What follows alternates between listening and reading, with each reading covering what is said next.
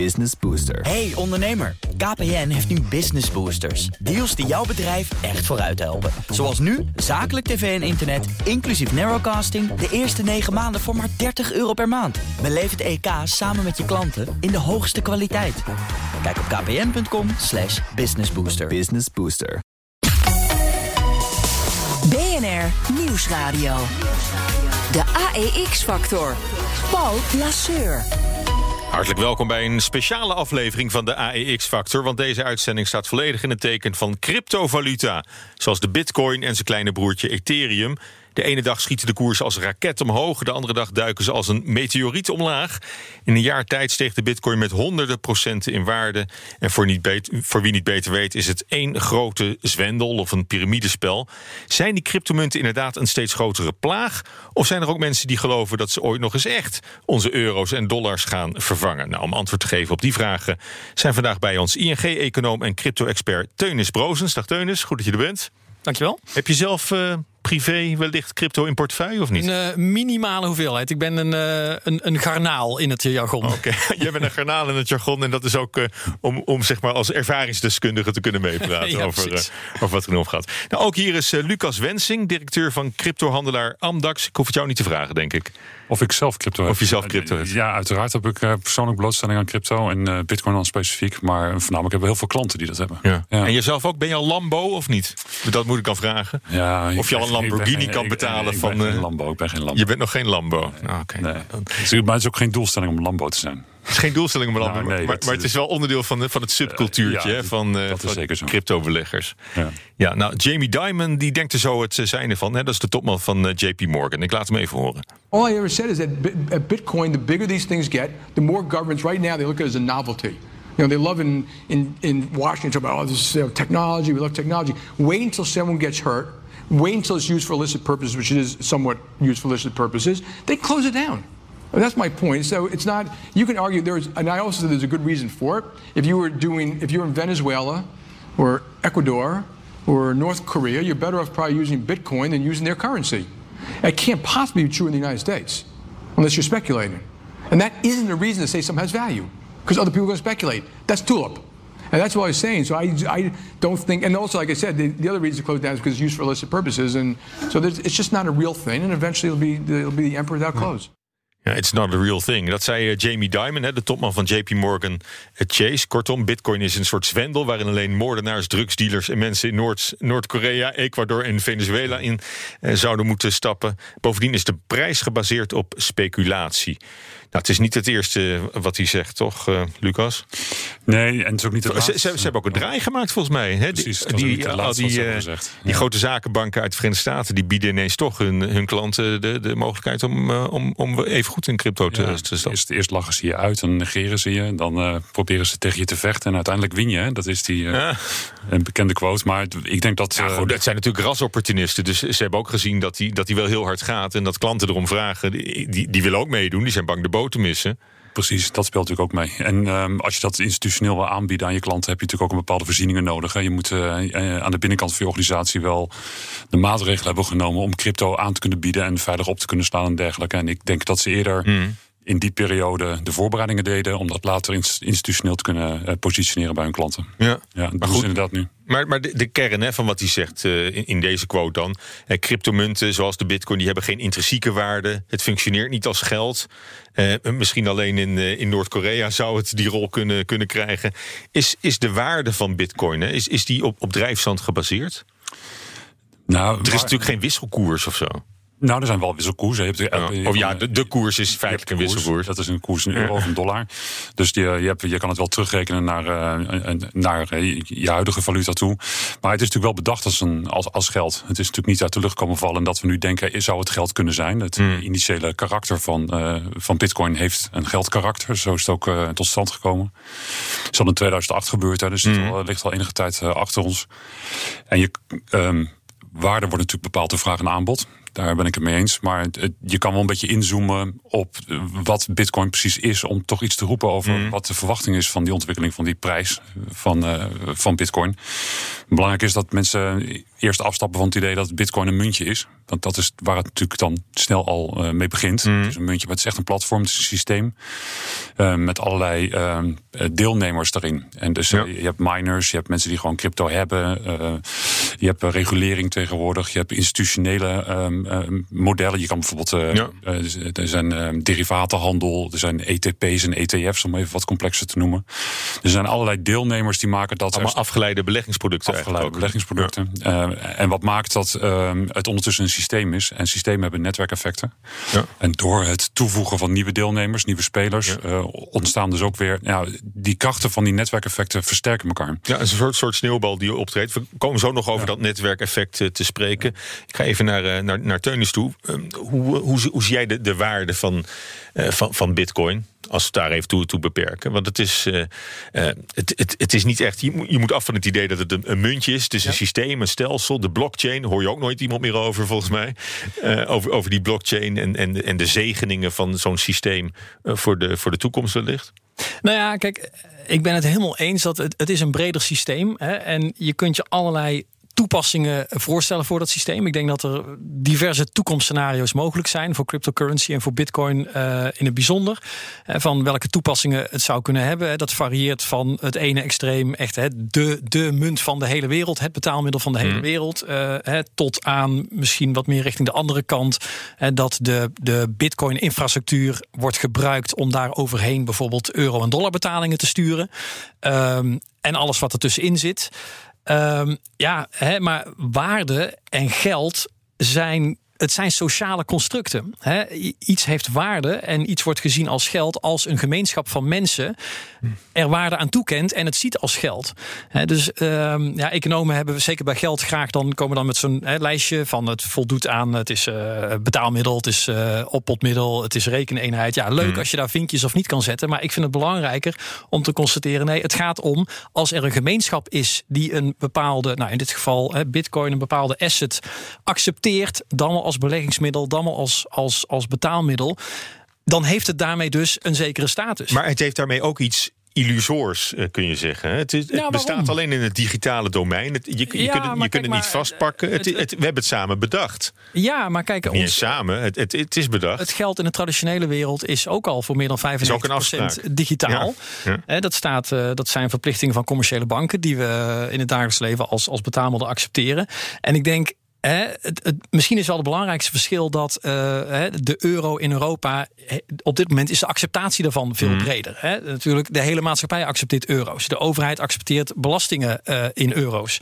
Uh, terwijl die gemeenschap waar binnen Bitcoin geaccepteerd wordt, zeg maar, is mhm. op dit moment nog kleiner. Nou, die, die is groeiende, zeker natuurlijk het afgelopen half jaar. dus ja, daarmee kun je Bitcoin niet zomaar wegzetten als van ja, het is illusoir. Want dan zou wij spreken alles in het hele financiële stelsel, mm. in illusoir zijn. Eh, dat er een nuanceverschil tussen zit, hè, tussen de mate waarin de dollar en de euro uh, gevestigd zijn en bitcoin, ja, dat is ook wel weer ja, In hoeverre is het dan van belang dat de mensen die nu uh, speculeren of, of handelen in, in bitcoins, uh, dat ook allemaal doorzien of, of willen begrijpen? Of voor mij is daar helemaal niet zo heel, veel belangstelling voor, zelfs bij, bij mensen die erin nou, handelen. Wij hebben, als ik kijk naar onze doelgroep, de klanten waar wij onze diensten aanbieden, die zien bitcoin nu primair als een oppotmiddel. Hmm. Dat is een manier om een waarde vast te leggen. Ze zijn ook niet direct op zoek naar een nieuw betaalmiddel. Want daar hebben we inderdaad eh, euro's voor. En uh, Nederland en Europa is natuurlijk ongelooflijk goed geëquipeerd in het financiële betaalstelsel. Dus dat, dat is prima. Hmm. Dus waar het nu nog voornamelijk een oppotmiddel als een, een, het vastzetten van je vermogen wordt gezien. Zoals goud eigenlijk, vroeger. Nou, wat goud vroeger een rol had, ja. Met, Ik denk dat bitcoin ook de goudmarkt ruimschoots voorbij gaat is een soort uh, digitaal goud, hebben we dan. Uh... Ja, maar dan wel alle voordelen van, uh, van, van digitaal. je kan het natuurlijk wat makkelijker meenemen, je kan het beter verdelen, je kan het, nou ja, goed, je kan op hmm. allerlei aspecten. Ja. Kent Bitcoin voordelen die goud niet heeft, je kan het ook makkelijker bewaren. Het is ook te tillen. Ja. ja. maar de analogie met goud maar, maar, ook, maar, ook, wat nadelen die, die het heeft, omdat het digitaal is. Namelijk dat het ook. ja, het, het, is, in feite wordt de waarde gecalculeerd. Er, is niet echt een, een, een fysieke waarde die. Hè, zoals voor, voor de dollar bijvoorbeeld wel. Hè, die kan je terugrekenen als een optelsom van economische factoren. Hè, uh, gebouwen, computers, machines. Hè, bedrijven beschikken daarover. Dat, dat vertegenwoordigt een bepaalde uh, waarde. Ook in het economisch verkeer. In, in, in dollars of euro's kun je dat dan uitdrukken. Maar de, de, de crypto's zijn daar veel te instabiel voor. Want dan kan het van de ene dag op de andere. Nou ja, kijk, ik, ik vind. Ik vind het is ook een soort, Ja, soort inflatie die je dan. Het is een beetje een ander aspect. Kijk, de volatiliteit is daar, dat is duidelijk. Um, maar het is natuurlijk ook de kans voor veel beleggers. Hè. Mm. Het feit dat volatiliteit creëert ook de opportunity om daar. Um, um, ja, is een goede reden om erin te investeren. Ja. En niet alleen voor mensen die het willen vasthouden en willen oppotten, maar ook voor bijvoorbeeld voor die derivatenhandel. Um, de, de, nou, de volatiliteit is eigenlijk een van de krachten op dit moment. En laat ook zien dat het een jonge markt is. Ja. Een jonge markt heeft natuurlijk per definitie um, een wat onstuimige groei. En die gaat altijd gepaard met ups en downs. Ja. Dus ik denk dat het eerder karakteristiek is, karakteristiek is van uh, een jonge groeiende markt dan van dat het product aan zich niet zou kloppen of zo. Of dat er iets mis mee is. Maar goed, het is wel een beetje wat, wat de gek te vergeeft, denk je dan. Hè? Want hij stond deze week dan op 36.000.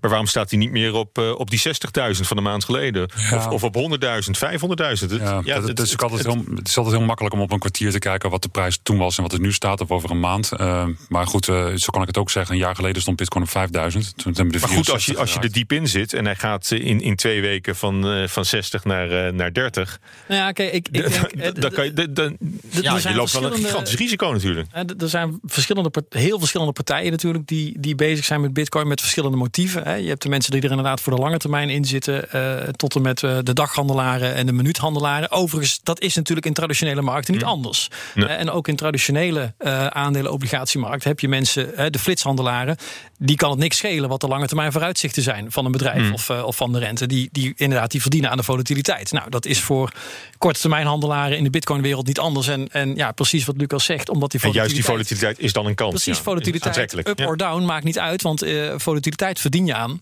Ja. Uh, dus het, het ligt er maar net aan met welk doel uh, je erin zit. Ik denk dat veel mensen inderdaad met die, met die crash, ja, de, de, de daghandelaren, als je een beetje slim bent geweest, dan heb je er misschien wel geld aan verdiend. Ja, ja. er zijn ook heel veel mensen die natuurlijk een, een, een longpositie hadden ingenomen.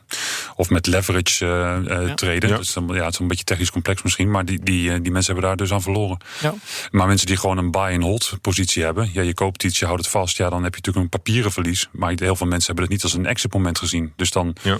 Dan heb je eigenlijk verlies. Ja, heb je dan verlies? Nou, ik zeg ja. van niet, want je hebt nog steeds die ene bitcoin bijvoorbeeld van die 21 miljoen die nou ja, zijn. Dat, is wel even de vraag. Je vermogen zit vast. Wat is de intrinsieke waarde voor, voor een bitcoin, bitcoin bezitter?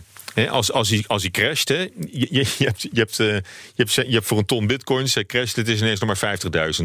Kan, kan je dan toch nog tevreden zijn met die, met die bitcoins die, die je nou, bezit? We, we, hebben natuurlijk veel klanten in ons midden die ook niet op die manier kijken naar hun, uh, naar hun portfolio. Dus niet de hele tijd terugrekenen naar de Hmm. eurowaarde van hun portfolio, maar eerder denken in het, uh, het feit dat ze een bepaalde hoeveelheid bitcoin zouden willen acquireren. En dus um, daar een moment in zien om, om een groter stukje van de totale taart uh, te kunnen bemachtigen. als, er zijn er 21 miljoen maximaal ooit. En dus als je er eentje hebt, heb je altijd die 1 21 miljoenste. En als je het zo bekijkt, dus maar, is niet maar veel dan, gebeurd. Dan, dan, heb je wel een hele sterke geest, denk ik, als je, uh, als je de nuchterheid hebt om te zeggen van uh, ik, ik, ik kijk helemaal niet nou, naar, naar, naar, wat mijn uh, bitcoin-positie in euro's of dollars waard is. Het ligt er natuurlijk maar helemaal aan wat je toekomstverwachtingen zijn voor bitcoin. Hè? Welk scenario je, je verwacht. Hè? Als je inderdaad verwacht dat de rol van bitcoin uh, in het monetaire systeem of als oppotmiddel inderdaad alleen maar zal groeien. Hmm. Ja, dan word je er niet nerveus van. Ja. Uh, dus ja, dat ligt er echt aan wat je, wat je, wat je verwachtingen zijn. Ja, ja. Nou ja goed, je, je zegt ook uh, die, die, die schaarste, hè, die, die, die, die is belangrijk ook voor de waarde die het heeft. Ja. Ik wil een positie opbouwen in bitcoin, want, uh, want straks zijn ze, uh, ze worden straks niet meer bijgemaakt. Ja. En dan, dan kan de koers ook alleen maar omhoog. Nou ja, dat is natuurlijk ook wat je ziet sinds 2008. Uh, sinds het product uh, uh, bedacht is, is natuurlijk de koers alleen maar met meer dan 200% gemiddeld per jaar omhoog gegaan. Dus Mhm. mm -hmm. dat, dat is, die schaarste werking heeft wel degelijk een positief effect op de, op de koers. Ja. Dat we nu een dip hebben, daar heb ik begrip voor. Dat hebben we in de vorige boeren ook wel een keer of zeven gezien. Dat er correcties komen van 30, 40% plus. Uh, maar grosso modo, jaar op jaar, uh, gaan we nog gemiddeld met 200% per jaar omhoog. Ja. Dus de lijn is wel in dat exponentiële netwerkeffect uh, is omhoog. Ja, maar goed, dat is het netwerkeffect. Als je alleen naar het schaarste nee, effect dus kijkt, ook dat... als je naar het schaarste effect kijkt, dan zie je dat dat voor, voor Ethereum en de Dogecoin, waarvoor dat dan niet, niet geldt, want die kunnen nog wel eindeloos worden, worden bijgemaakt, ja. geloof ik. Ja. Terwijl die harder zijn gestegen dan de Bitcoin. Ja, Dogecoin is wel een beetje een apart verhaal. Uh, de, ook opzienbarend. Ik vind niet zo gek dat je die nou even mm. noemt. Kijk, uiteindelijk waarom, een, um, waarom Bitcoin... Ik zag op Twitter steeds die, die honden voorbij komen. Met, ja, uh, kijk, en die hoeft Elon, en, Elon Musk een beetje te volgen. Die is natuurlijk ook uh, fan van. Die, uh, nou ja, die, die speelt een beetje met zijn gemeenschap. Ja. Maar um, kijk, de de kracht van Bitcoin is natuurlijk waar het destijds mee begonnen is. Als eerste is het van niemand. Hè. Het is decentraal. Dus er is ook geen uh, groep eigenaren of een comité mm. of, een, uh, of een directeur van Bitcoin. En de verdeling van die coins zit dus ook niet bij een, grote, bij een bepaalde groep uh, ja, aan groot, grote aandeelhouders of zoiets dergelijks. En dat maakt het een product wat voor iedereen is en ook een redelijk goede verspreiding kent. Mm. het is technisch interessant product. het heeft ook de, de de start uh, gemaakt. Het is de start geweest voor allerlei afgeleide producten. Ethereum mm. is duidelijk ook in concept afgeleid van Bitcoin. Um, uh, maar goed, kijk je naar Dogecoin. Dat product is een kopietje van Bitcoin. Uh, en eerlijk gezegd heeft de eigenaar of de, de, bedenker daarvan... die heeft een aantal elementen van Bitcoin eruit gehaald. En heeft ermee een soort van slap aftreksel van Bitcoin gecreëerd. Een light Bitcoin. Nou, hij heeft het ook in twee uur gedaan. Hè. Dat heeft hij ook altijd geroepen. Ik maak het in twee uur. Het is een grapje. Je kan ermee elkaar fotootjes geven op internet. Daar is het hmm. voor bedacht. En ik geef het ook een leuk naampje. En het is volstrekt zinloos. Dat heeft hij ook altijd bijgeroepen. Maar, maar het, is, het, is ook, het, is, het is puur marketing eigenlijk. Ja, dus het enige... Kijk, dus dat product loopt niet op technische innovatie... of op een uniek karakter. Of het feit dat er geen uh, dat het volledig decentraal is, of dat het geen uh, comité of, uh, of, of in dit geval kent het een eigenaar, als je het zo mag noemen. Um, en het enige wat Dogecoin heeft is hype. En dat, dat gaat niet lang goed. Ik, wij, wij, wij verkopen het nou niet net alsof, alsof, Bitcoin, alsof Bitcoin geen hype is. Nee, maar het heeft ook die andere elementen waar ik het net over had. En daar zit wel een groot verschil in. Daarom zit er, wat, daar zit, er zit fundamentele waarde en innovatie in Bitcoin die niet in Dogecoin zit. Mm. ik ben het met je eens natuurlijk. Hype kan lang mm. goed gaan. Uh, maar ik denk niet dat het uiteindelijk bijvoorbeeld een discussie gaat worden. Gaan we met z'n allen naar, naar ja. Dogecoin of gaan we naar Bitcoin toe? Want daar zijn de onderliggende kenmerken toch te verschillend voor. Nou goed, zeker weten doen we nooit. Hè. Dan krijg je altijd van nou, als ik wist waar die naartoe gaat, dan, uh, dan stond ik nu niet hier. En dat is altijd het. Uh, maar, maar, maar hoe kun je Kun je een, een, slag doen naar, die, naar de fundamentele waarde van, uh, van de bitcoin? Uh, Uitgedrukt in, in, in, euro's of dollars? nou, er zijn mensen die pretenderen dat ze dat kunnen. Ik behoor daar niet toe. Hè, om, omdat oké, het aanbod ligt vast. Uh, de vraag uh, ja, die varieert. Uh, en het ligt er voor de lange termijn, wat mij betreft, echt aan, inderdaad, welke plaats Bitcoin, laten we het even specifiek bij Bitcoin houden, welke plaats Bitcoin in het monetair financiële universum gaat innemen. En ik zie daar heel uiteenlopende mogelijkheden. En welke het gaat worden, durf ik niet te zeggen. En ja, de waarde hangt dan waarschijnlijk ook heel erg af van, van welk scenario het wordt. En er is zelfs ook een scenario denkbaar dat er ondanks de netwerkeffecten die natuurlijk heel erg uh, Bitcoin nu bevoordelen, dat er ooit nog eens een keer een heel nieuwe crypto mm. komt met superieure technologie die heel Bitcoin nog uh, overbodig maakt. Overbodig maakt. Het is niet uit te sluiten. Uh, dus ik, ik durf daar niks over te zeggen. Ik vind de analogie met goud in zoverre wel interessant. Omdat, kijk, goud, uh, fysiek goud, oké, is ook het aanbod min of meer vast. En hangt de waarde dus volledig af van de vraag. Um, en, en die waarde is dus, ja, die fluctueert, maar is uh, nooit nul geweest. nou, er zijn er ook mensen die zeggen, ja, goud is daarmee dus een duizenden jaren durende bubbel. Ja, dat, dat is een manier om ernaar te kijken. Je kunt ook zeggen van, nou, het is dus een interessante uh, asset class uh, om in portfolio te hebben. Ja, ja, zo kun je ook naar Bitcoin kijken. Ik vind dat zelf moeilijk, omdat ik. ik ja, goed, heel moeilijk de, de, de volatiliteit is, is, ook wel tien keer zo groot als die van goud. Maar dat is misschien omdat het zo'n zo jong uh, fenomeen is. Maar over die, dat netwerkeffect dat je net zei. Hmm. Um, en dat je daarmee niet weet of Bitcoin nou de winnaar is, of dat er een andere Bitcoin lookalike of concurrent komt die het inhaalt je kan wel zeggen over netwerkeffecten dat netwerkeffecten uiteindelijk tot een winnaar leiden. En dat is iets waar we in mijn ogen ook al lang een gepasseerd station hebben bereikt. Dus uh, kijk bijvoorbeeld even naar de ontwikkeling van VHS en Betamax. Hè. Wij zijn allemaal. Oh, zo een winnaar. Dus, dus welke van de crypto's het uiteindelijk. Uh... Nou, niet welke van de crypto's, maar in het specifieke domein van Bitcoin mm. als zijnde een store of value en een, uh, ja, een, een, munteenheid waarmee je mm. waarde en transacties kan doen. Echt een geldconcurrent. want dat is Ethereum bijvoorbeeld mm. niet. Dat is gewoon een hele andere toepassing, andere use case. Maar ik denk dat Bitcoin niet zozeer niet zo snel ingehaald wordt door een, door een concurrent. en en de vergelijk dus met VHS versus Betamax. Uh, Betamax was technisch gezien de betere, de, de betere Mhm. band. VHS heeft gewonnen. En omdat ze een netwerkeffect hadden, waarmee iedereen uiteindelijk de standaard van VHS heeft Mhm. opgezocht. Want dat is ook zo makkelijk in de videotheek en voor alle deelnemers, voor de mensen die video's maken. Netwerkeffect Mhm. Bepaalt dacht, eh, uiteindelijk. door de porno natuurlijk. Nou, dat, maar die kon je ook op Betamax vinden. Dus ik weet niet of het nou daar alleen door komt. Ehm, uiteindelijk ontstaat er een. ehm, net zoals. Het- Hetzelfde geldt bijvoorbeeld voor Facebook. Facebook was natuurlijk ook niet het eerste en het enige sociale netwerk. We hadden eh, Hives en MySpace. En uiteindelijk wint Facebook omdat ze gewoon een bepaald aantal deelnemers hebben. En dat omslagpunt, dat kan je wel financieel maken. Dat legt bijvoorbeeld bij, eh, bij Facebook op zo'n marktwaarde van 100 miljard. En bij Amazon hebben we dat ook gezien in de e-commerce. Toen ze die 100 miljard halen, waren ze, waren ze de facto de winnaar in dat e-commerce spelletje.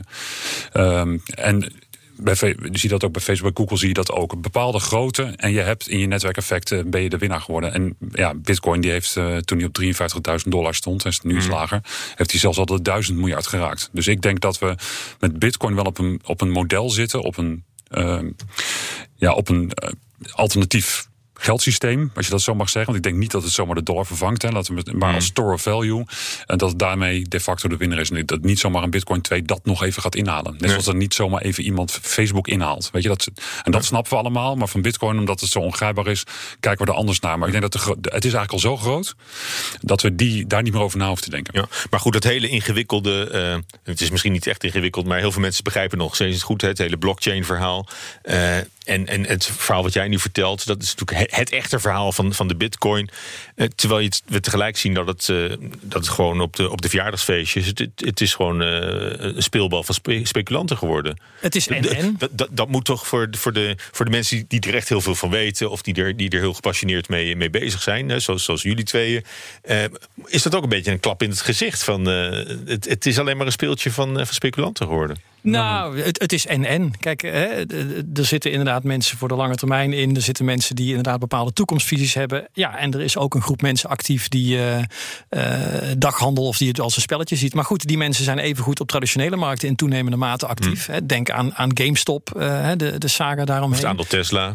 Wat, Of het wat- wat misschien ook wel. Dus ik, ik denk dat we, en dat staat eigenlijk los van, van crypto, hè, dat we misschien sowieso wel een ontwikkeling zien waarin er een nieuwe generatie ehm, instroomt in de beleggingswereld, die, die ja, dit ook meer als een spelletje benadert. Daarin ook gefaciliteerd door natuurlijk de techniek, hè, waardoor dat ook steeds makkelijker wordt. Gamification, hè? gewoon het, apps. het swipen en apps. Ja. Ja.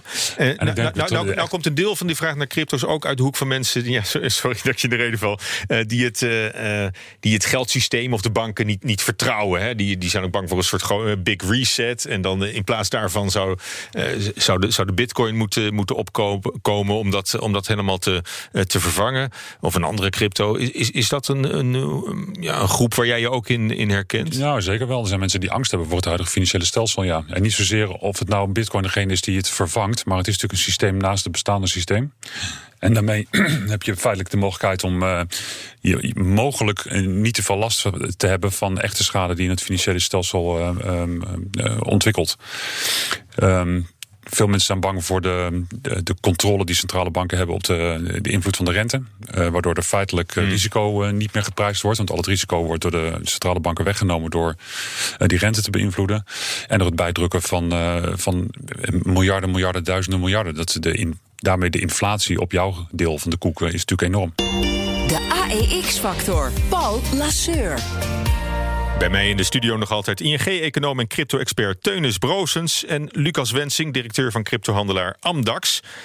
Ja, de, eh, de, de bitcoin die, eh, die wordt op plaatjes vaak wel afgebeeld als een gouden muntje. Hè, met die, die, die B met die twee streepjes erdoor. Een beetje analoog aan het eh, dollarteken. Maar het zijn natuurlijk bits en bytes. eh, maar is het daarmee een, een, toch, toch een soort munt geworden? Wel een vorm van geld. Want als betaalmiddel komt het niet echt van de grond, hè? Nou, het, kijk, het, het kan, je kan daarmee betalen. Het is, eh, de, de vraag is inderdaad Ja, of het een paar, jaar geleden had je, had je de eerste pizzeria waar je, waar je met bitcoin kon betalen. Zullen mensen wel spijt hebben dat ze toen een hele bitcoin voor een pizza hebben, hebben betaald. Maar goed, de ontvanger van die bitcoin eh, in ruil voor die pizza heeft ze ook weer uitgegeven. Dus eh, er zijn twee mensen zijn daar Ongelukkig van, Ja, zijn er ongelukkig geworden. ongelukkig van geworden, ja. Dus het is wel, het is technisch een betaalmiddel. Je kan ermee betalen. En er zit wat inefficiëntie in bitcoin als het gaat om het doen van betalingen. Want het is, eh, door het decentrale karakter is het geen snel systeem. Het is wel een heel veilig systeem, maar niet heel snel.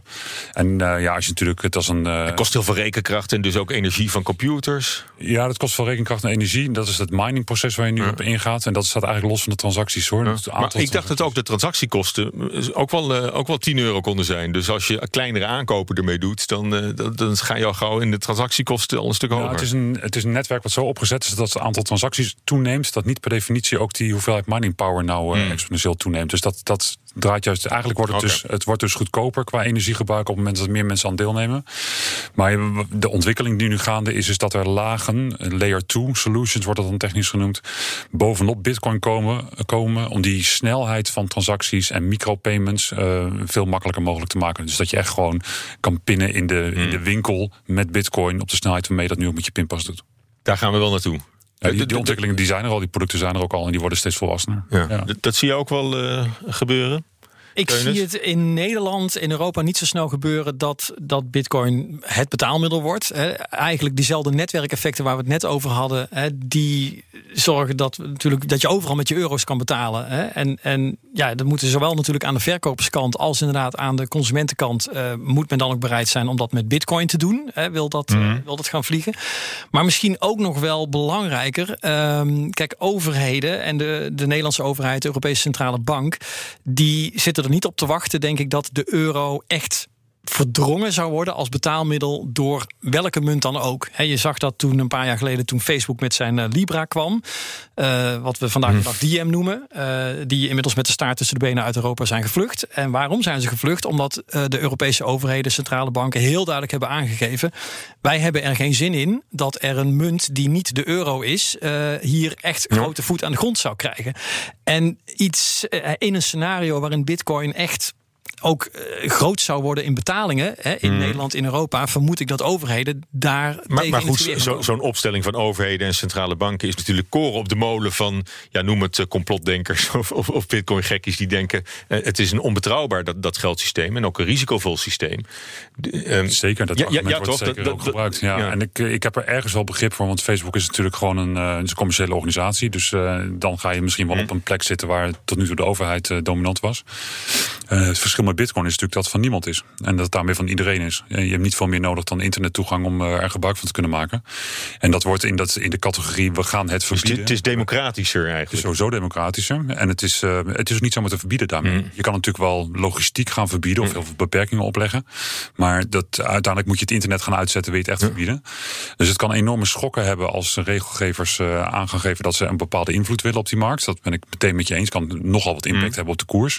Maar een bitcoin zet je niet zomaar uit. Dat is dan even de andere kant. En ik denk dat, de, dat het niet de route is die op dit moment niet belopen wordt. Je ziet dat de juiste regulering het antwoord is op de risico's die uh, centrale banken zien. Dat zie je in Amerika. Daar is de regelgeving eerlijk gezegd alweer wat verder dan ja. in Europa. Maar ook in Europa. Uh, kijk, wij als, uh, als Amdax, wij staan onder toezicht van de Nederlandse bank. Ik, ja. ik heb een, ja, het, is, het is een registratie, heet het, maar het heeft alle kenmerken van een vergunning om dit te mogen doen. Dus ik, ik moet alles doen wat de banken ook moeten doen om witwas te voorkomen, criminaliteit te voorkomen, terrorismefinanciering. Ik moet mijn klant kennen. Weet je, al dat soort mm -hmm. eisen eh, om uitwassen. In, uh, maar, maar terecht toch? Ja, dat vind ik ook heel terecht. En je ziet dat dit dus ook alleen maar toeneemt. En ik denk dat jij dat ook, ook prettig vindt om, om, te kunnen, om te kunnen zeggen... joh, ik, vo, ik voldoe aan alle, aan alle eisen. Ik word, ja, ik word keurig, je merk ook dat de klanten er goed op reageren. Want uh, we hebben die vergunning uh, 1 oktober gekregen. We waren de eerste die door dat stelsel weer goedgekeurd werden. Ja, en sinds, uh, sindsdien zijn de klanten ook pas aan boord gekomen. Die merkten dat we, mm. ja, voor de, voor de mensen thuis, zeg maar, wij zitten echt in de bovenkant van de markt. Dus wij bieden cryptohandel aan vanaf 25.000 euro. En we doen ook crypto vermogensbeheer vanaf 250.000 euro. Dus ja. dat is echt voor de vermogende particuliere en zakelijke klanten.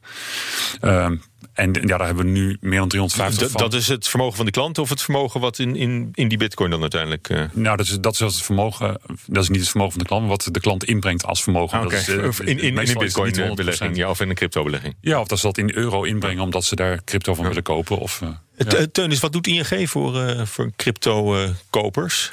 Op dit moment bieden wij geen cryptodiensten aan. Nee. He helemaal niet? Nee.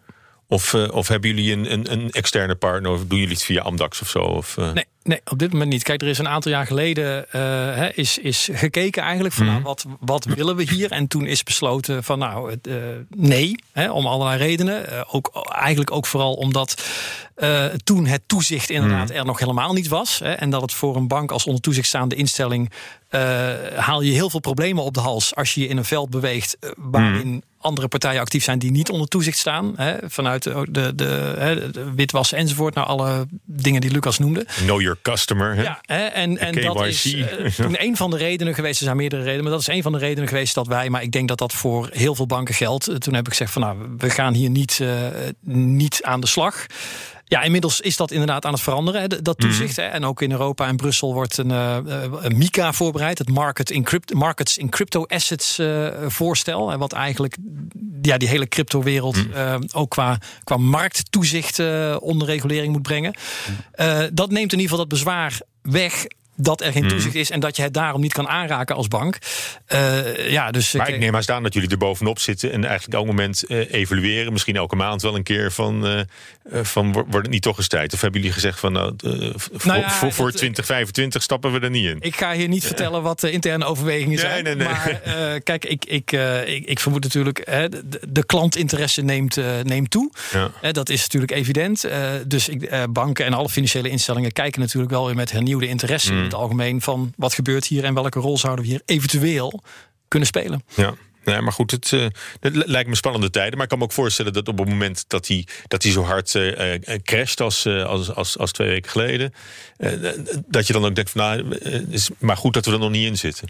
Want anders heb je dat ook weer uh, bij de hand. Nou ja, kijk, het, het, ligt helemaal aan de klant die je voor je hebt. En wat, wat zijn doelstellingen zijn en wat zijn. Uh... Maar je hebt ook een soort zorgplicht als, als, ja, als precies, bank natuurlijk. Maar, maar ook dat, uh... die zorgplicht hangt ook af hmm. van, van wat de doelstellingen van de klant zijn. Hè, als, als de klant zou aangeven van goh, ik begrijp helemaal wat bitcoin is. Ik begrijp helemaal de volatiliteit die daarmee samenhangt. dan kan je prima aan je zorgplicht voldoen. zeg ik zonder eerlijk gezegd al te zeer expert te zijn op dat terrein. Nou ja, de, de, klant, klanten van Amdax, die, die zullen daar beter van doordrongen zijn, denk ik, dan, dan de doorsnee in je geest. Ja, maar dit zijn natuurlijk wel factoren die meespelen. Hè, waarom banken, denk ik, hier uh, ja, wat conservatiever in de wedstrijd zitten. Hè, omdat ook klanten van banken, wat dit betreft, wellicht wat conservatiever zijn. En voor hun eh, crypto-interesses inderdaad uh, naar andere partijen. Maar goed, de, de, Masters of the Universe op Wall Street, hè, de Goldman Sachs en zo, die, die gaan wel langzaam die kant op. Dat ze... Ja, hè, al zie je daar inderdaad, het, het is vaak uh, synthetisch. Hè, dus het gaat hm. vaak met derivaten in hm. eerste instantie. Uh, het is vaak ook eerst op institutionele partijen gericht. Hè, dus je ziet ook daar, als je door alle mooie woorden en opgeblazen persberichten heen prikt, dat, dat ook zij wel enigszins voorzichtig zijn hoor. Maar goed, ook allemaal gedreven uiteindelijk door de vraag van klanten. Dat is uiteindelijk uh, de klantenskoning. Dat is, die, die, die, willen dat graag. Maar goed, eh, ik, ik, ik, begrijp die huivering ook wel. Maar uh, dat is denk ik een verschil met, met, met hoe jullie erin ja, staan. Want jullie zijn specialisten. Ja, dat helpt natuurlijk. Hè. Dus we, we, helpen ze ook bij de keuze die ze daarin maken. En we schetsen uiteraard het, het, het, grote plaatje en ook het langere plaatje. Want het is, het is aan de ene kant een prijsontwikkeling. En we hebben het nu heel veel over prijs. Maar het is ook een investering in innovatie. En dat is, dat is niet weg te denken onderdeel van de reden waarom je mm. uiteindelijk in crypto investeert. Het is dus simpel om te zeggen, ik koop alsof het een dollar is. Hè. Zeg maar, we openen een dollarrekening, ik koop dollars en dan kijken hoe de koers van de dollar zich ontwikkelt ten opzichte van de euro. En dat is, het, dat is een veel te smal perspectief waarom je in crypto gaat. Ja, toch denk ik dat, uh, dat, dat dat wel een, een meerderheid is van de, van de crypto. Maar niet onze klanten niet. Die krijgen een bredere plaatje te horen. Uh, we hebben dus ook bijvoorbeeld in die crash. Waar maar daar vragen ze ook om. Ze, ze, ze willen ja, dit ik ook. vertel het in ieder geval. Laat ik het zo zeggen. dus vraag, ik, kijk, ze vragen natuurlijk wel waarom moet ik erop instappen? Waarom moet ik instappen? waarom, is, waarom is crypto zo aan het groeien? Wat gebeurt er met de crypto? Mensen, mensen weten natuurlijk ook niet zoveel. Ja. En dat is niet zo erg. Dus dat moeten we uitleggen. Maar dat is niet alleen maar een, een prijspraatje. dat gaat natuurlijk ook om wat er nou in die, uh, in die markt uh, zich beweegt. Maar even voor jouw beeld. We zijn dus in oktober uh, is de winkel open gegaan, als ik het zo mag zeggen. En we zitten nu op zo'n 125 miljoen euro klantgeld wat in onze kluizen ligt in crypto's. Dus, en dat is acht maanden geleden. Dus de, er is niet een beetje interesse. Er is ongelooflijk veel interesse mm. van, uh, van serieuze investeerders. Dus met vermogen, want daar zitten wij op. Um, die investeringen doen. Het, het is, um, en dat zijn nog steeds mensen die het gevoel hebben. En dat deel ik van mensen. Dat ze in een vroege en een jonge, uh, jonge markt instappen. Dus volatiliteit ja. Maar ook met met heel veel potentie. De, de, afgeleiders van Bitcoin zijn ook enorm. Daar wordt vaak aan voorbij gegaan. Het uh, project Ethereum om uh, smart contracts te maken. Nou, smart contract is natuurlijk een beetje een mm. complex woord om te begrijpen. Maar alles wat bijvoorbeeld een notaris moet doen of een verzekeraar, financiële contracten die door een partij worden afgesloten, kan je mm. dadelijk gewoon uitprogrammeren. Heb je die partijen niet meer nodig. Of in ieder geval kan je dat aan, aan softwarecode overlaten. Maar ook, we hebben de NFT-hype uh, op dit moment. Nou, de non-fungible token. Dat is dan eigenlijk Ja. alles wat digitaal is, dat je daar je eigen hand- eigenaarschap van En de kunstmarkt ook, hè? Nou ja, het, het, Voor mij eh, specifiek. ja, eh, maar het eh, gaat, veel, het gaat echt breder. Want het gaat erom alles wat digitaal is, dat je daar kan aantonen dat dat van jou is. Dat je daar de eigenaar van bent. Maar zelfs al schrijf je een scriptie, is dat al een probleem. Hè? Dus de universiteit worden scripties gejat. Maar ik kan zo dadelijk mijn scriptie ehm, van een NFT voorzien. En daarmee kan ik mijn eigenaarschap aantonen. Maar je ziet het ook, de muziekindustrie gaat ook fundamenteel veranderen. Een Ja, maar, maar gelimiteerde opga- oplage kan, kan je dan uitgeven weer. Een beetje zoals vroeger. Dat Ja, je dan, maar- eh, en dan weet je dat je dat, die originele opname hebt van, eh, van een En die, dat innovatieve aspect is inderdaad wel belangrijk. Want eh, daar hebben we het inderdaad. eh, we hebben het heel veel weer over die prijs. En inderdaad, het, het is zoveel breder. Hè? Want inderdaad, sowieso is dat innovatieve karakter ook wat Hmm. mij ook zo geweldig fascineert en interesseert in dit veld. Hè, er worden eigenlijk zou je, voor mij is ook de hele crypto-wereld. Het is ook een wereld waar. Hè, het is ook gewoon een menselijke wereld. Dus alle er komen de goede mensen, de slechterikken, iedereen stort zich erop. Ehm, De, de sukkels en de slimmerikken. ja, hè, de ontwikkelingen gaan razendsnel. Hè. Eigenlijk, Je zou kunnen zeggen, hè, de traditionele financiële wereld, 200 jaar geleden was er geen toezicht. We hebben er 200 jaar over gedaan om te experimenteren. eh, Crisis, crashes, eh, problemen. En nou, nu staan we waar we vandaag de dag zijn. Crypto is nu eh, 10, 12 jaar onderweg. Ja. en, en heeft een ook pressure al- cooker. is Heeft- heeft diezelfde- halverwege die Ja. ontwikkeling. Het is Ja. een pressure cooker. En dus, dus die energie en, en de snelheid waarmee innovaties worden gedaan. En natuurlijk gaat waarschijnlijk de helft of veel meer dan de helft van de projecten eh, gaat mis. En eh, er zit oplichting tussen en van alles. Maar er zitten ook hele mooie juweeltjes tussen. Hè, dus eh, we zijn ook wel als bank, en we hebben al jarenlang een team wat ook naar die technologie kijkt. Hè, de, Ja. de blockchain, de distributed ledger. En, en kunnen we die techniek inzetten? Eh, nou ja, natuurlijk de, de, de nieuwste ontwikkeling wat afgelopen jaar is dan decentralized finance. Eh, wat, wat, wat ook weer aanknopingspunten biedt. Hè, dus die innovatie, die techniek, die energie, want het is allemaal open source. Het is uiteindelijk, het zijn, het zijn hobbyisten, het zijn vrijwilligers, zo gezegd. Er zit geen grote multinational achter Mhm. die deze bitcoin in de lucht houdt, of het brede crypto-universum. Ja, dat, dat, dat is wat dit veld voor mij in ieder geval zo interessant maakt. Maar goed, soms krijgt het wel, krijg je wel een beetje die indruk als Elon Musk zich er bijvoorbeeld mee bemoeit. Dan denk je van dat is, dat is dan één individu. Eh, Is weliswaar de, de ene rijkste man eh, ter wereld. Maar het, het blijft gewoon een individu. Ja, die, die in een opwelling wat, eh, wat, wat twittert, lijkt het dan. En dan ook, eh, ook als een blad aan een boom ook weer draait, bijvoorbeeld. Hè. Hij stapte af van de bitcoin omdat hij te veel fossiele energie zou verbruiken. Hè. En eh, daarvoor was hij nog zo overtuigd Ja, van. het is, eh, de Elon Musk verhaal is echt wel interessant. Kijk, het, eh, sowieso is het een, een interessante ondernemer. eh, maar, maar er gebeuren wel een aantal dingen tegelijkertijd die hem wat duiding vereisen. Kijk, als eerste is hij natuurlijk ingestapt in bitcoin door het eerst zelf te kopen hè, vanuit Tesla. Dat is eigenlijk de belangrijkste grote aankondiging geweest. En heeft hij voor eh, 1500 miljard, zeg ik het nou goed? 1500 miljoen. Anderhalf miljard heeft hij, eh, moet even de nulletjes niet door elkaar halen. Heeft hij eerst bitcoin gekocht. Kijk, als hij alleen maar zijn auto's voor bitcoin wilde verkopen, had hij dat niet hoeven doen. Dus hij ziet. maar dat, dat kan ook. Dus Dat, je- dat was een tweede, je dat was een ja. tweede stap. Dat De tweede stap dat hij zei van nou, ik ben, ik ben zo hyped over bitcoin. Je mag ook weer je auto kopen met bitcoin. Maar wat daar tussendoor gebeurde is dat hij zich ook als een actief gebruiker, eh, participant in het netwerk heeft opgesteld. Hij heeft techneuten aan het werk gezet om bijvoorbeeld ook eh, bitcoin nodes te draaien. En hij heeft een betaalserver staan voor, die, voor het kunnen accepteren van crypto voor die auto's. Dus hij is niet alleen maar iemand die het als een, als een muntje dan koopt en op zijn balans zet. Hij is echt een actief participant in, die, in, de, in, in in de ontwikkelingen. Daarna ehm, is er inderdaad wel iets gebeurd waardoor hij ehm, eh, zei van nou ik vind het hele milieuaspect een probleem. Maar wat ik daaruit filter is dat hij ehm, eigenlijk en plein publiek door een soort van leergang is gegaan.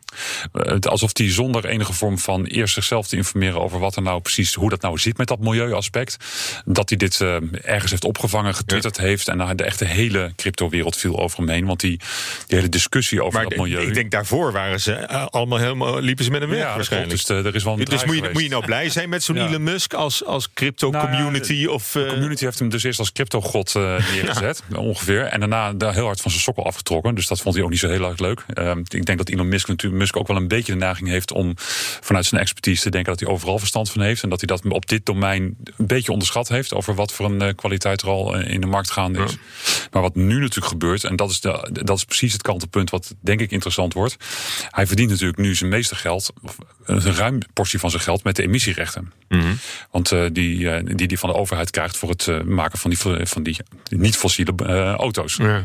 En dat eigenlijk heeft, werkt dat zo dat op het moment dat er energie. Um, in dat domein wordt toegepast, dat je daar feitelijk een vergoeding voor krijgt. En die kan die ook weer verkopen aan auto's die fossiele brandstoffen gebruiken. Okay, ja, ja.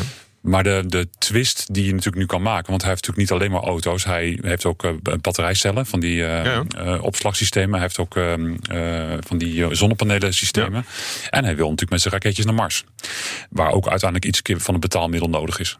Ja. het is natuurlijk helemaal niet ondenkbaar dat hij die emissierechtensysteem gaat gebruiken om de opgewekte energie vanuit zijn zonnecollectoren en die in die batterij zit opgeslagen, om die ook echt te gaan toepassen voor bijvoorbeeld mining. Ja. Want dan als eerste is er dan stroomopwekking en loopt er feitelijk energie door zijn systemen en kan hij daar dus weer emissierecht op dus claimen. Dus duikt hij ook vervolgens weer op als de redder van de bitcoin? Nou ja, weet je, het, het, komt wel heel veel bij elkaar samen. En het is ja. natuurlijk een man die links en rechts wel eens wat eh, ballonnetjes opgooit, maar ik kan me heel goed voorstellen dat hij uiteindelijk in die, uh, mm. in die ontwikkeling van die crypto's combinatie met die emissierechten nog wel eens ja. een, een, belangrijke factor kan spelen. Maar, maar linksom of rechtsom, de, uh, het energieverbruik van, van, van bitcoin, van het hele systeem, van het minen, hè, waar we niet al te ver op in zullen gaan. Dat is een, een technisch verhaal. Maar dat, uh, dat is wel een punt. Dat, dat speelt altijd een, een, rol. Het is een hoog elektriciteitsverbruik. Hè? En, en ja, kijk. Ja, een hoog. Ik geloof dat Cambridge had berekend dat bitcoin net zoveel stroom verbruikt als heel Nederland. Ja, kijk, maar technisch gezien is het eigenlijk het elektriciteitsverbruik is het offer wat je brengt om inderdaad in een decentrale context zonder een een poortwachter uh, dat netwerk open te houden voor iedereen. Hè. Het traditionele geldsysteem en, en uh, financiële markten, hè, dat zijn poortwachters, er zijn vergunningen, uh, ken uw klant enzovoort. Hè. Dus daar, als je er eenmaal op bent, dan ben je dus te vertrouwen, want je bent inderdaad, iemand heeft een vinkje bij je naam gezet. En die hele cryptowereld, of de bitcoin, is juist gebouwd op het idee... het moet voor iedereen toegankelijk zijn. Maar ja, hè, hoe, hoe weet je dan van elkaar, van de miners, dat ze te vertrouwen zijn? Nou, in principe is hè, de bereidheid om flink te spenderen aan elektriciteit... zou je kunnen zien als mijn uh, commitment aan het netwerk. Kijk, ik ben te vertrouwen. Dus ja, het, het, is een afruil. En ja, ik, ik, kijk daar toch ook wel met enigszins gefronste wenkbrauwen naar. Maar goed, er zit wel een hè, een afruil achter. Hè? En, en door sommige mensen wordt het zo ook gerechtvaardigd. Mm. En dan komt ook natuurlijk nog bij dat heel veel van de energie die gebruikt wordt door miners uh, groene energie is. Want uiteindelijk ben je pas kostenefficiënt als miner. Als je daar de aller, aller, allergoedkoopste voor energie kan, voor kan inzetten. En dat is nou typisch niet de bruinkool- of steenkoolenergie. Dus je ziet dat miners zich verplaatsen naar de energiebron waar energie overtollig is.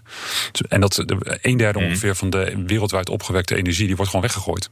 Want alle energie die jij in een waterval in uh, IJsland opwekt, die kan je niet gebruiken om in Rotterdam je Tesla mee op te laden. We hebben niet zozeer een energieopwekprobleem, maar we hebben een energietransportprobleem. En het mooie van miners is dat die zich naar de plek begeven waar die energie overtollig is. Hmm. En daardoor zie je een hele grote hoeveelheid uh, ja, groene miners uh, ja. op dit moment. Maar er zijn ook een aantal niet-groene miners. zijn. Dat is wel een terecht ja, punt. In China ik vraag me ook af, waarom, waarom vertel, je, vertel je me dit? Want ik, ik, ik, bedoel, ik, ik, hoef die, ik hoef die miners niet, niet, niet aardig te vinden, toch? Nou, kijk, uiteindelijk zorgen ze voor de veiligheid van je netwerk. Kijk, mensen denken dat een miner op zoek is naar munten. Hè? Want dat is de klassieke vorm van een miner, een goudminer. Dat is gewoon een grote... Gouddelven. Ja, ja. is precies een graafmachine. En die gaat de grond uitgraven tot hij goud heeft. Maar een miner is helemaal niet bezig met het afgraven van de grond op zoek naar mm. bitcoin. Een miner is bezig met het veilig houden van het netwerk. Hmm. Dat is zijn doel. En hij wordt alleen geïncentiveerd, want hij krijgt voor het veilig houden, krijgt hij als beloning bitcoin. Ja. Maar het is niet dat hij bitcoin aan het zoeken is. Maar goed, je maakt mij niet wijs dat, dat alle energie die er gebruikt wordt voor het minen, dat dat allemaal, allemaal restenergie is.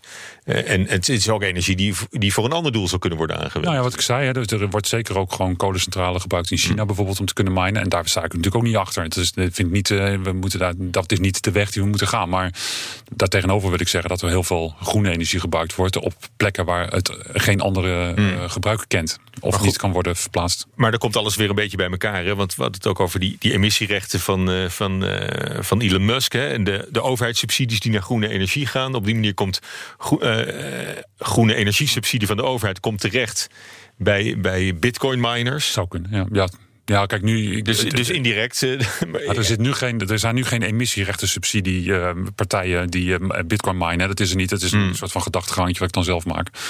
Um, maar um, Ja, het, het, klopt wel. Het kost energie, maar je cashverlichting kost ook energie. En uh, daar ben je ook bereid voor geld in uit te geven. En ik ben bereid om geld uh, uit te geven aan de veiligheid van mijn, uh, van mijn crypto. Mm -hmm. Een belangrijke, belangrijke investering. Ja. Geen moeite mee. Kijk, ik zou het zelf wel mooi vinden als hè, de Bitcoin-gemeenschap daar nog eens een andere oplossing voor vindt. Je ziet natuurlijk bijvoorbeeld bij Ethereum, hè, die hopen eind het jaar over te gaan op uh, proof of stake. Dat, nou, dat is in ieder geval een andere manier om, laat ik zeggen, hè, voor miners om te werken. Dan proof of work, dat is het precies, systeem. Dat is inderdaad, hè, dat is dan een andere manier die minder energie, uh, minder elektriciteit kost. Maar goed, dat heb je weer andere nadelen. Mm. He, dus uh, ik denk zelf, kijk, Bitcoin is conservatief binnen, hè, binnen de cryptowereld. Dus dat betekent dat Bitcoin gaat zelf echt niet snel uh, experimenteren met, goh, we gaan eens eventjes proof of stake doen of uh, iets nee. anders verzinnen. Nee. En dat zullen eerst de andere munten doen. Maar stiekem heb ik wel de hoop, in een scenario waarin Bitcoin inderdaad echt een blijvertje is, dat er op termijn uh, ja, gezocht wordt naar manieren om dat elektriciteitsverbruik wel te verminderen. Ja, ik denk niet dat dat gaat gebeuren.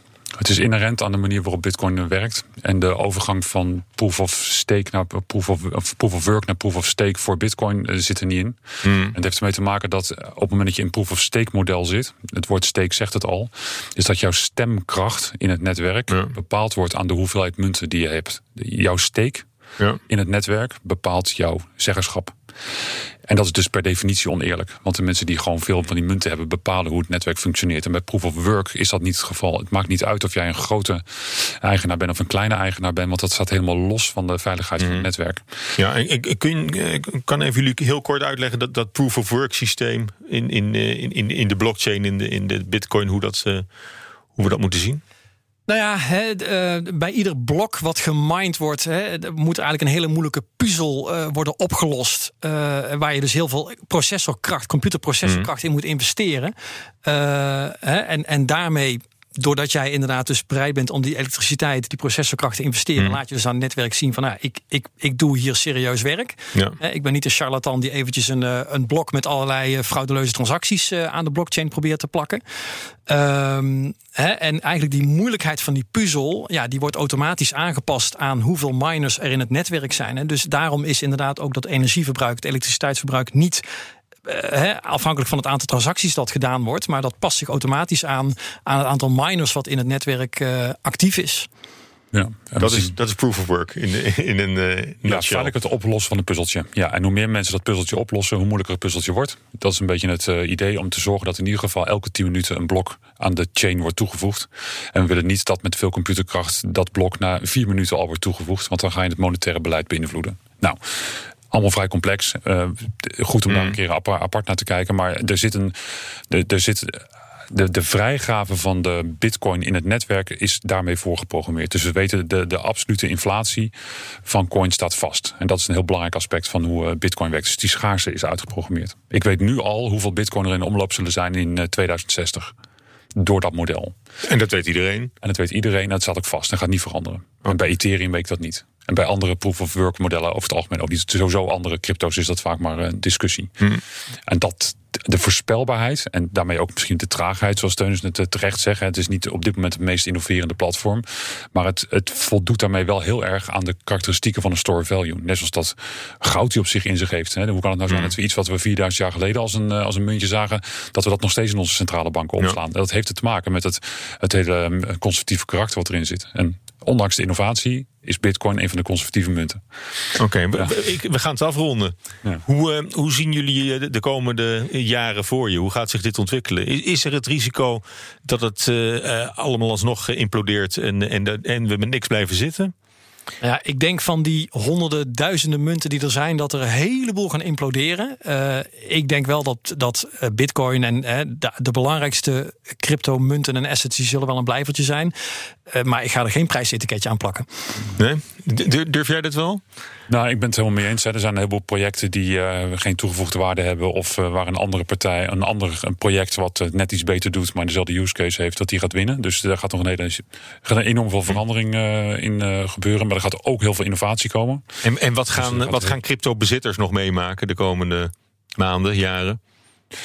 Nou, op de wat kortere termijn um, zien we dat de, de Bitcoin markt qua prijsontwikkeling in uh, een cadans van vier jaren uh, werkt. Dat heeft te maken met de manier waarop die schaarste is voorgeprogrammeerd. Dus we zitten nu in een periode waarin uh, we over de boelmarkt spreken. En dat was te verwachten.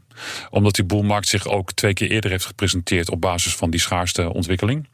Dus voor veel mensen is dit een herkenbaar patroon waar we nu in zitten. En mensen die nu investeren, wat kortere termijn kijken.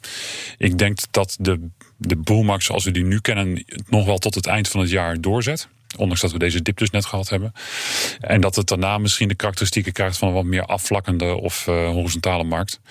Mm, dat is grofweg wat, uh, wat nu wel in de mm. markt wordt uh, onderkend. Maar goed, naar voren kijken is lastig. En daar zijn ook prijsmodellen opgemaakt, verschillende overigens. Maar die gaan echt van 100 tot 300.000 dollar in prijs per bitcoin. Hm. Maar, maar eigenlijk moet je niet voor de koerswinst gaan, maar je moet, uh, je moet gewoon een portefeuille aan, aan bitcoins opbouwen. Nou ja, kijk, niemand moet wat natuurlijk. Nee, maar in, in, datzelfde verhaaltje, in die cadans van vier jaar, komt er natuurlijk weer een nieuwe boer in achteraan. En misschien is dan die bitcoinprijs wel weer een veelvoud van die uh, 100 tot 300.000. Dus uh, als je daarnaar kijkt in de lange termijn, moet je ook dan niet uitstappen. Maar het ehm, ik, ik, weet natuurlijk ook niet waar het heen gaat. Die modellen kunnen het ook verkeerd hebben. Er zit een stuk terugkijken in en dan voorspellen wat de toekomst doet. Dus dat kan. Het zijn allemaal modellen. Modellen zijn uh, waar zolang ze werken. Mm -hmm. um, maar de combinatie van de hoeveelheid institutioneel geld wat nu instapt, dat we er hebben over gehad dat we ruim boven die 100 miljard zitten, uh, die een soort van winnaar van netwerkeffecten voorspelt. Nou, met die 1000 miljard zijn we daar echt wel flink overheen. Ja, uh, ja institutionele instappers, technische innovatie ik, uh, en ook de risico's in het huidige financiële stelsel. Want ik denk toch echt dat met het bijdrukken en de, de, het beïnvloeden van de rentemarkt zoals het nu gaat, dat dat gewoon dat dat niet door kan gaan. We maken het probleem eigenlijk alleen maar groter in het huidige financiële stelsel. Want we zijn niks aan het oplossen nu hè, met het bijdrukken van het geld. We zijn eerder het probleem voor ons uit aan het duwen. Ja, dus maar goed, nou, maar tegelijk, wat we, maar wat we ook houden, afgezien dan van het, van het, van het echte verhaal en, en van de toekomst daarvan en, en, de, en de schaarste en, en de blockchain, eh, zitten we ook met een hele hoop speculanten die, die massaal op die, op die munt duiken, die eigenlijk helemaal niet weten of hoeven te weten waar ze mee bezig zijn. Die willen alleen maar weten of ze, of ze uh, een Lambo kunnen worden binnen een, binnen een uh, half jaar. Uh, dat dat, uh, dat ja, compliceert zaken natuurlijk wel enorm. En dat, dat vertroebelt ook een beetje het beeld van de, van de waardering van die munt. Omdat er ook zoveel hype nog in zit. Het, is een bond gezelschap, inderdaad. En ja, hè, daarmee is het aan de ene kant, je kan makkelijk zeggen, het is volledig een hype. Dat is dus niet waar. Uh, ja, er zit van alles tussen. Hè? En, en ja, wat ik zeg, dat maakt deze wereld ook zo, uh, ook zo interessant. Omdat er gewoon uh, de hele mensheid loopt er rond. Uh, met alle motieven uh, die daarbij horen. En uh, dus het is wel zo, hè, als je je met crypto bezighoudt, doe je huiswerk, verdiep je er goed in. Of accepteer, hè, ga er gewoon in zitten als het is een spelletje. Maar goed, dan, als moet je, ja. Ja, dan moet je ook niet. dan, dan moet, je, ook niet piepen als. Dan moet je ook niet piepen als, als, je, als het misgaat. Ja. Dan moet je lange adem hebben. Nou, ik denk dat we elkaar nog wel eens komen te spreken over dit, dit onderwerp. Ja, het zou leuk dus, zijn, absoluut. Hartelijk dank voor nu in elk geval. ING-econoom en crypto-expert Teunis Brozens. Dankjewel, goed dat je er was. Graag gedaan. En Lucas Wensing van cryptohandelaar Amdax, de directeur. Dankjewel. Goed verhaal. Dit was de AX-factor. Ik hoop dat je volgende week vrijdag weer luistert. Dan gewoon weer een normale aflevering. Vanaf 7 uur op de radio en dan ook direct beschikbaar als extra lange podcast. En heb je nou voor ons een gouden beleggingstip? Of heb je iets gehoord waarvan je wilt checken of het wat is? Een vraag voor ons panel? Laat het ons weten door een mailtje te sturen naar axfactor.bnr.nl. Tot volgende week. Business Booster. Hey ondernemer, KPN heeft nu Business Boosters. Deals die jouw bedrijf echt vooruit helpen. Zoals nu, zakelijk tv en internet, inclusief narrowcasting... de eerste 9 maanden voor maar 30 euro per maand. Beleef het EK samen met je klanten in de hoogste kwaliteit. Kijk op kpn.com businessbooster. Business Booster.